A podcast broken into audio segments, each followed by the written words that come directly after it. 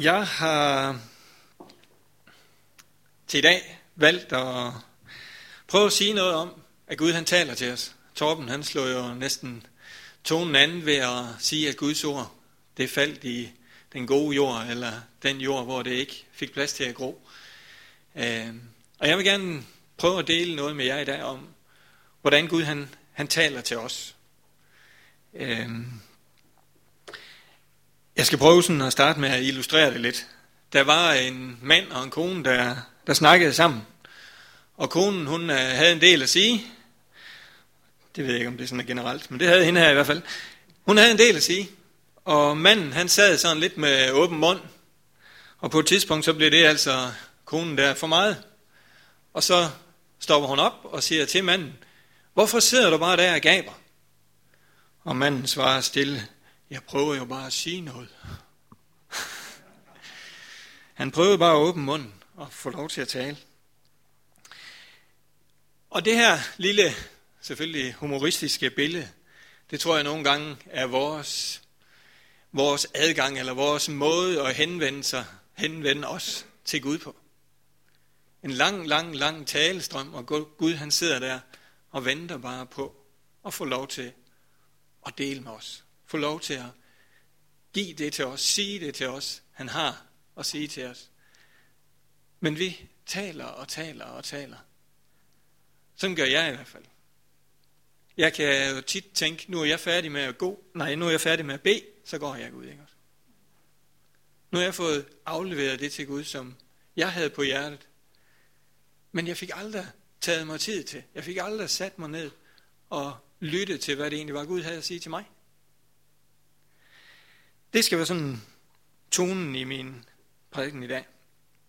For mig er det her sådan en af de allermest øh, dynamiske, spændende, øh, livgivende emner, jeg overhovedet kan få lov til at, at sige noget om, og få lov til at, at tænke over. Prøv at tænke, at himlen til jorden skaber, har besluttet sig for at vil dele med dig og mig. Har besluttet sig for at vil Giv os indsigt i hans planer. Nok ikke dem alle sammen på en gang, for det kan vi jo ikke rumme.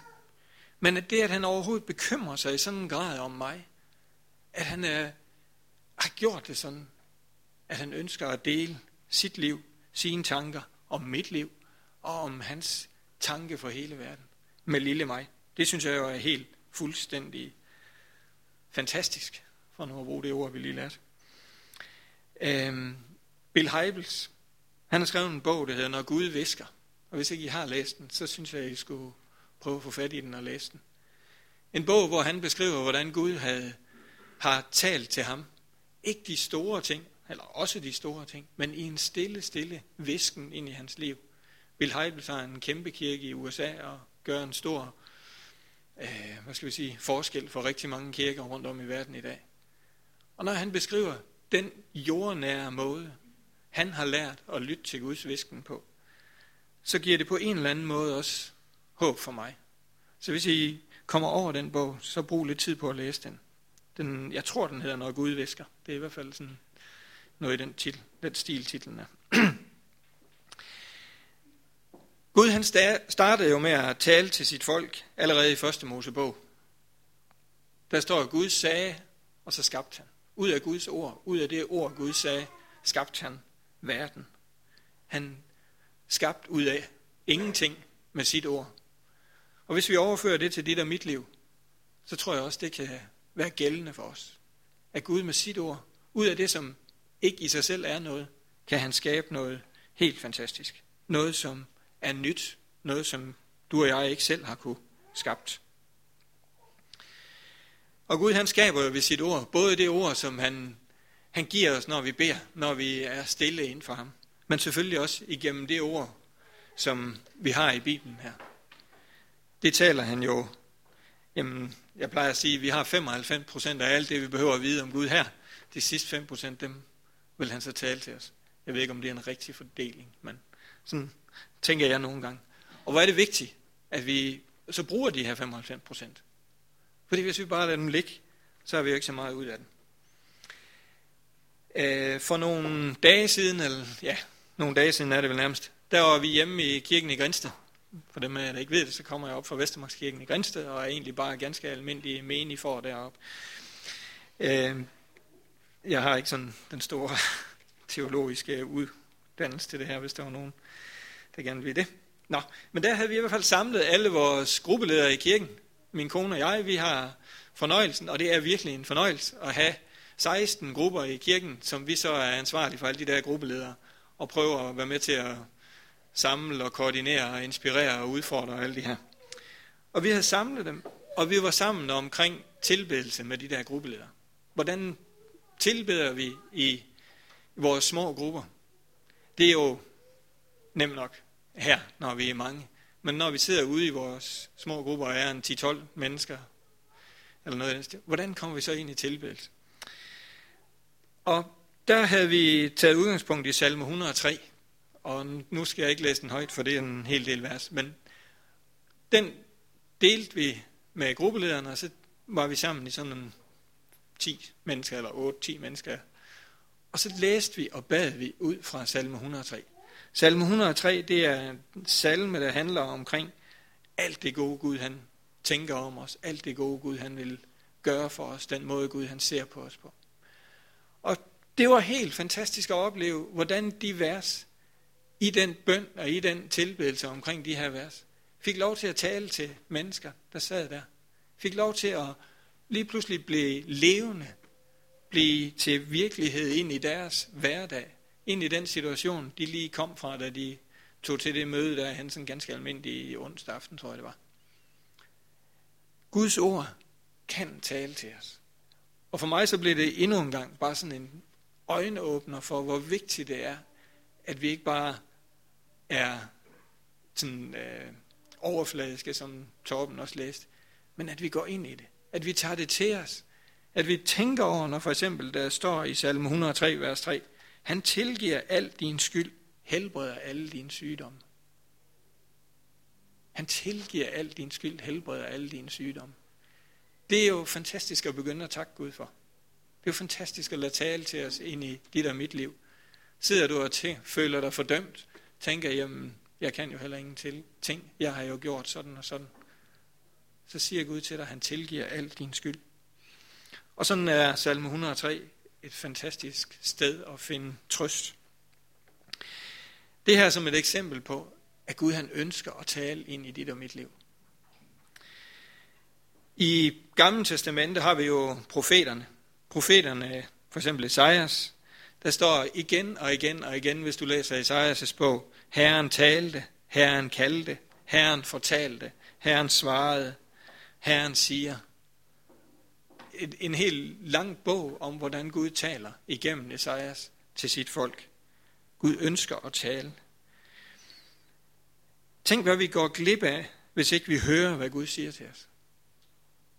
Det har jeg nogle gange for min egen del tænkt over.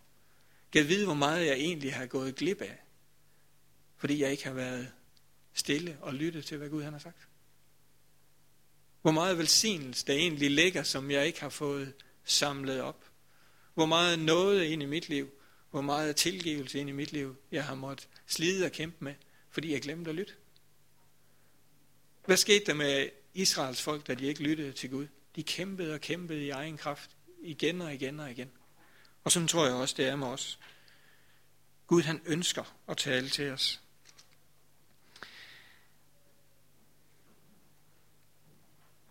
Da Jesus han kom til jorden, der var det den mest ligefrem og direkte kommunikation, kan du sige, Gud han kunne, kunne give os. Han sendte sin søn. Hvis vi sender et sendebud hen, hvis jeg lader være med at ringe til Torben næste gang vi skal have møde sammen, men går hen til ham, hvis jeg tager hen og besøger ham, så ved jeg, at jeg er fat i ham. Og snakker, der var sådan, Torben havde ringet til en forkert taler, bare sådan for lige at afsløre Torben. Han havde ikke mit telefonnummer. Så var der åbenbart en anden Svend Otto Jensen, det troede jeg heller ikke, i Grænsted. I kan få historien af Torben den anden gang. Men det, Gud han kunne ikke gøre det mere direkte, end det han gjorde ved at sende sin søn. Og det er jo igen Guds ønske om at tale til os, der kommer frem. Øhm. Jesus han siger i Johannes evangeliet kapitel 16 og vers 12-14. Det skal vi læse her. Johannes evangeliet kapitel 16 og vers 12-14. Der står sådan her. Jeg har endnu meget at sige til jer, men det kan I ikke bære endnu. Men når han kommer, sandhedens ånd, skal han vejlede jer i hele sandheden. For han skal ikke tale af sig selv, men alt hvad han hører, skal han tale, og hvad der kommer, skal han forkynde jer. Øh, nu skal jeg lige se, hvor langt jeg skulle komme. Jo. Han skal herliggøre mig, for han skal tage mit og forkynde det for jer. Når Jesus han forlod jorden, så sendte han talsmanden, den hellige ånd, Guds ånd, for at tale til os. Han ønskede at være i, i vi kan sige, dialog med os. Han ønskede stadigvæk at dele af det, der var hans med os. Og det er jo her, du og jeg står i dag. Vi er jo der, hvor det er talsmanden, Guds ånd, der får lov til at tale til os. Hvad enten det er, som jeg sagde, igennem Guds ord, der bliver levende for os, eller det er igennem den stille tid sammen med Gud, eller det er gåturen ude i naturen, eller hvor det er hen, du oplever, Gud han viser dig noget. Og udfordringen for os er jo så at lære at lytte, lære at forstå, hvad han siger. Og det kan vi jo kun i hans nærvær. Jeg har sådan en yndlingslovsang, tror jeg. Den hedder, nej det ved jeg ikke, om den hedder, men der er i hvert fald en linje i den, der hedder, for det kald, jeg har, er at være dig nær. For det kald, jeg har, er at være i din nærhed. Det er det største kald, vi alle sammen har. Vi kan nogle gange tænke, at vores kald det er at udrette det ene og det andet, og det er at gøre ditten og datten. Det er nok også en del af det, men jeg tror kun, det bliver virksomt, når vi er i hans nærhed. Vi kan ikke bytte det om og sige, nu, nu kæmper jeg her, nu udretter jeg det, og så går jeg over i din nærhed bagefter, når der er tid til det. Nej, Gud han ønsker, at vi skal starte i hans nærhed. Start der og lyt til ham, og så udføre det, som vi er sat til, for jeg siger absolut ikke, at vi ikke skal udføre noget. Det var sådan lidt rundt omkring i Bibelen, om at jeg i hvert fald mener, der er belæg for, at Gud han ønsker at tale til os. Så kan vi så sige her i vores hverdag i 2011, giver det så overhovedet en mening at sige, at Gud han taler til os. Da jeg arbejdede med den her prædiken og tænkte over den, der var jeg på et tidspunkt ude på lossepladsen med haveaffald derhjemmefra. Øhm, og så, så slog den tanke mig, da jeg nu stod og læssede af traileren derude. Hvad hvis nu jeg gik hen til ham, der står derhen og sagde til ham, tror du egentlig Gud, han kan tale til dig? Sådan en ganske almindelig lørdag formiddag, og en eller anden tilfældig mand, og så prøv at spørge ham, tror du egentlig Gud, han kan tale til dig? Jeg gjorde det så ikke, det må jeg jo indrømme. det kunne altså være meget spændende jo.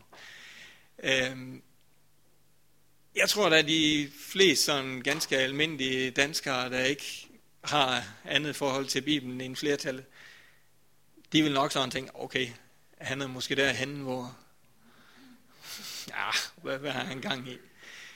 For mig vil det vigtige i hvert fald være at gøre den her person forståelig, hvad er det egentlig lige, jeg snakker om? Hvad er det for en Gud, jeg tror, der kan tale til ham og tale til mig? Hvad er det for en Gud, jeg tror, der ønsker faktisk at fortælle alle mennesker hans plan, hans tanke for den enkelte. Øhm, og først så skulle vi jo nok der ved siden af traileren blive enige om, at vi så snakkede om den samme Gud. Det tror jeg er ret vigtigt, sådan en lille sidespor her, når vi fortæller mennesker om Gud. Så prøv at spørge dem, hvad det er for en Gud, de ikke tror på. Det er, det er sådan en ting, jeg, jeg tror, jeg har lært det af vores tidligere præst hjemme i Grænsted, John Lorentzen. Det var sådan en slagsætning, han kom med mange gange. Prøv at finde ud af, hvad det menneske, du snakker om Gud med, hvad det er for en Gud, de tror på. Eller ikke tror på, rettere sagt. Det det er godt sagt, synes jeg. Der var en mand, han skulle prøve at forstå Gud. Og han havde sådan tænkt, nu skulle han spørge Gud om nogle ting for at finde ud af, hvem var Gud egentlig. Og så skulle han prøve at finde ud af det her med evigheden, og Gud har alt, og Gud har været der altid, og sådan nogle ting. Så spurgte han Gud, Gud, hvor lang tid er en million år for dig? Så svarede Gud, en million år er som et sekund for mig. Okay. Så spurgte man, hvor meget er en million kroner for dig? Så sagde Gud, en million kroner er som et par håndører for mig. Så tænkte man, må jeg så få et par håndører? Det svarede Gud så på. Ja, lige et sekund.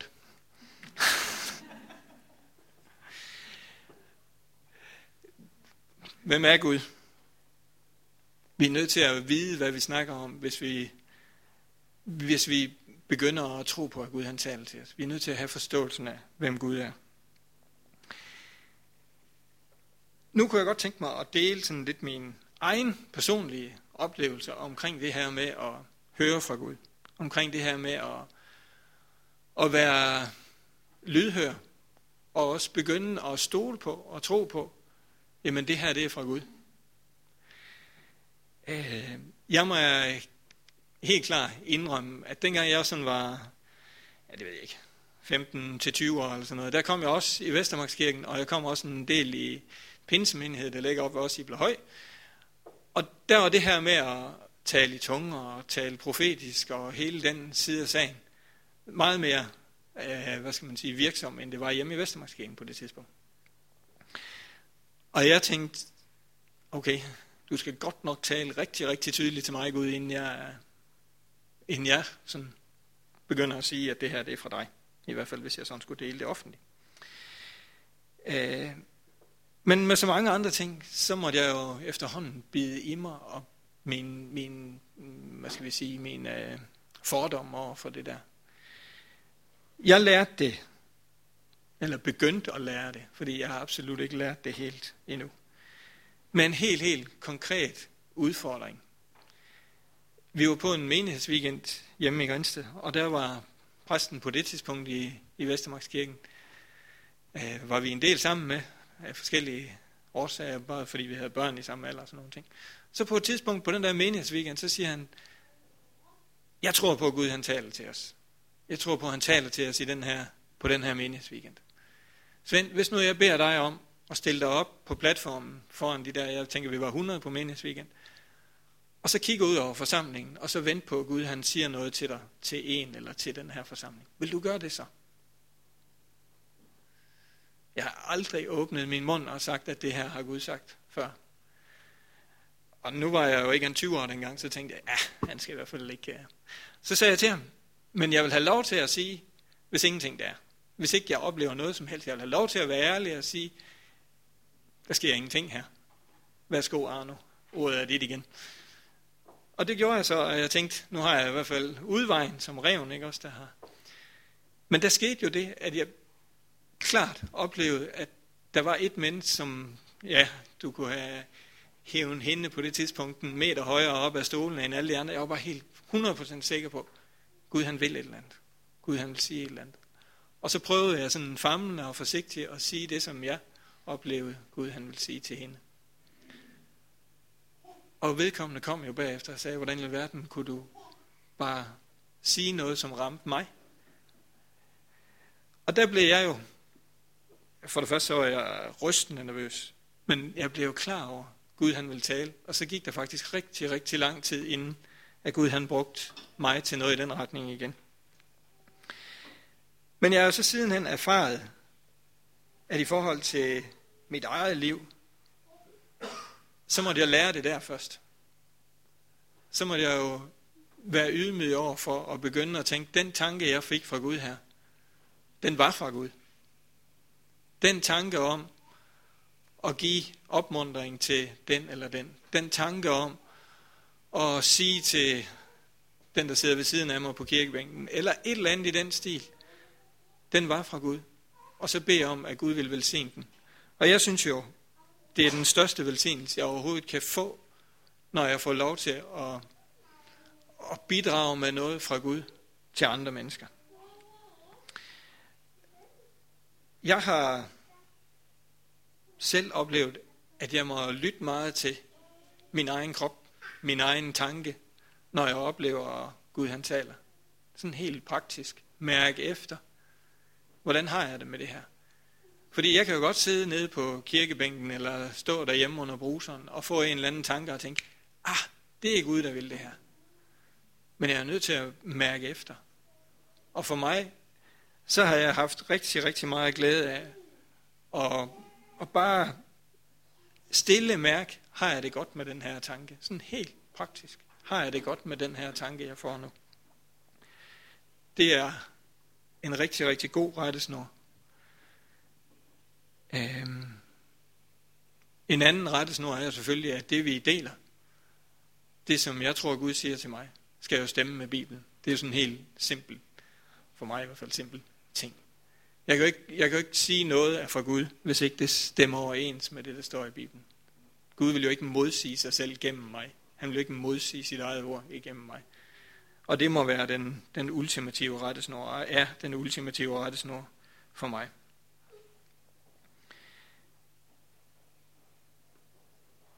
Det har givet mig rigtig stor vidshed om, at mit liv var i Guds hånd, når det så rigtig, rigtig træls ud, synes jeg. Når jeg synes, det hele var rigtig, rigtig svært. Så, så har jeg jo kunne bruge mine venner, jeg har kunne bruge Guds ord, så læse det, og jeg har kunne gøre alle de ting, vi andre, eller vi altid kan gøre, ikke? Også vi, og som vi også skal gøre. Men det, der sådan har, har lagt i bunden, det er, når Gud han har sagt, jeg er med dig. Det er ikke sikkert, at der er andre end mig selv, der har fået det at vide og mærket efter, jeg er med dig. Det har borgen mig rigtig, rigtig, rigtig mange gange igennem, når jeg synes, tingene har været umulige. Det at lytte til Gud har også ført mig steder hen, som jeg er helt sikker på, at jeg aldrig var kommet, hvis ikke jeg har, har lyttet til Gud. Steder hen, hvor jeg aldrig selv ville finde på og tænke, jamen sådan kunne vi også gøre, eller der kunne vi også tage fat. Og det er jo, det er jo den, den rigtig spændende del af det, at se Gud, han velsigner den der tanke, man tænker, det her det er da så umuligt, at det kommer jeg aldrig i land med. Men Gud, han velsigner det. Og så bærer det frugt, som Torben også var inde på. Så jeg kan kun udfordre jer alle sammen til at mærke efter. Taler Gud til jer. Mærke efter, tror jeg på, at Gud han kan tale til mig. Der skal vi jo starte. Tror jeg på, at Gud han kan tale til mig. Og det tror jeg jo, som jeg nu har sagt rigtig mange gange allerede, jeg tror, at alle mennesker kan få lov til at mærke, at Gud taler til dem. Det er ikke alle mennesker, der skal rejse sig op og sige, så siger Herren og alt det der.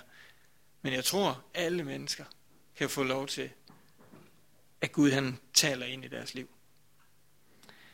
Øhm,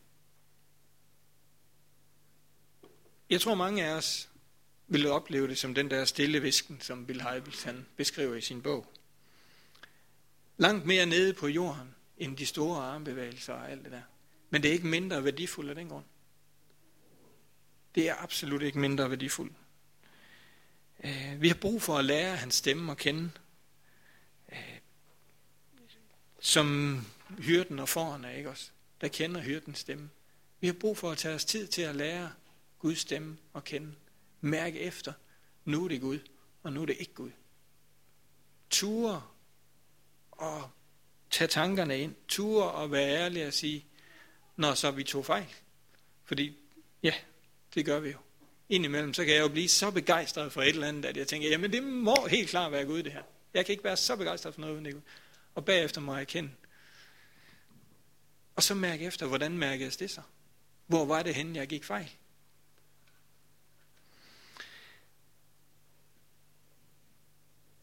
Jeg tror, det aller, aller vigtigste for at komme i gang med at lytte, det er at hive ørepropperne ud. Det er simpelthen at tage alle fordommene, der nu måtte være der, over for at Gud kan tale, væk. Gør op med os selv. Ja, Gud, jeg vil gerne lytte til dig. Og så må vi jo også fjerne støjsenderen, der overdøver den stille visken.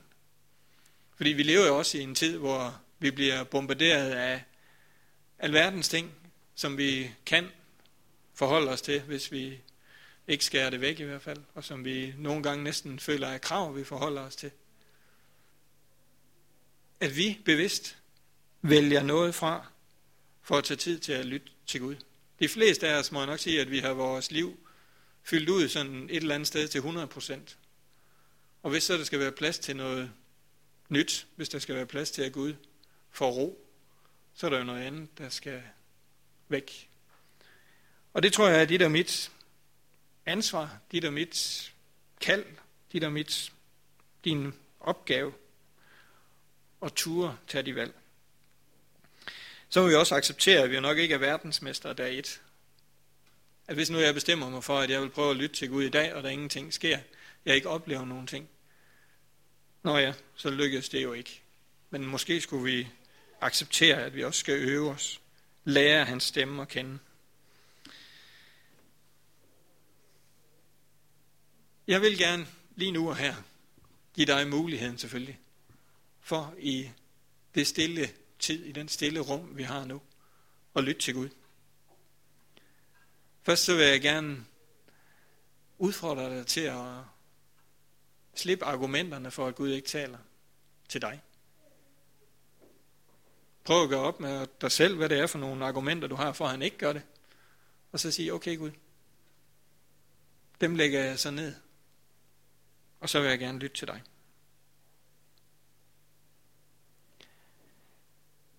Og så forvent ikke, at det står som sådan skriften på vægen. Nu er der altså mange fine hvide væge herinde, der vil være nemme for Gud at skrive på, kan man sige. Øh, men forvent den der stille visken. Forvent den der enkle tanke fra Gud. Fordi hvis jeg skal høre, hvad Gud han siger, så er det jo, så er det jo vigtigt, at jeg ved, hvordan forventer jeg, at han taler til mig. Hvordan forventer jeg, at Gud han skal tale ind i mit liv. Og jeg tror, den stille visken er der, hvor Gud han starter. Der, hvor han kan få lov til at komme til. Vi skal dele nadveren sammen, og det er for mig en fantastisk tid at have fællesskab med, med Gud på. Også en fantastisk tid at lytte til ham. Mens vi har nadveren, så er der stille. Vi går op og tager brødet herop, og vinen, eller druesaften er det jo her. Øhm, og i den tid, der er stillhed til, at Gud han kan få lov til at tale ind i dit liv. Inden vi går over til nadveren, så skal vi bede sammen. Far i himlen, tak fordi, at vi kan være i din nærhed. Tak fordi, at vi kan få lov til at, at have dit ord til os. At vi kan få lov til at vide, at du ønsker at dele liv med os. Du ønsker at dele liv i nadveren, som du gjorde med disciplene, og som du ønskede skulle være et tegn om, at du ønsker fællesskab med os. For du ønsker også at retlede og vejlede og opmuntre og styrke os ved at tale til os, ved at minde os om dine tanker for en enkelt af os og for os alle sammen i fællesskab. Amen.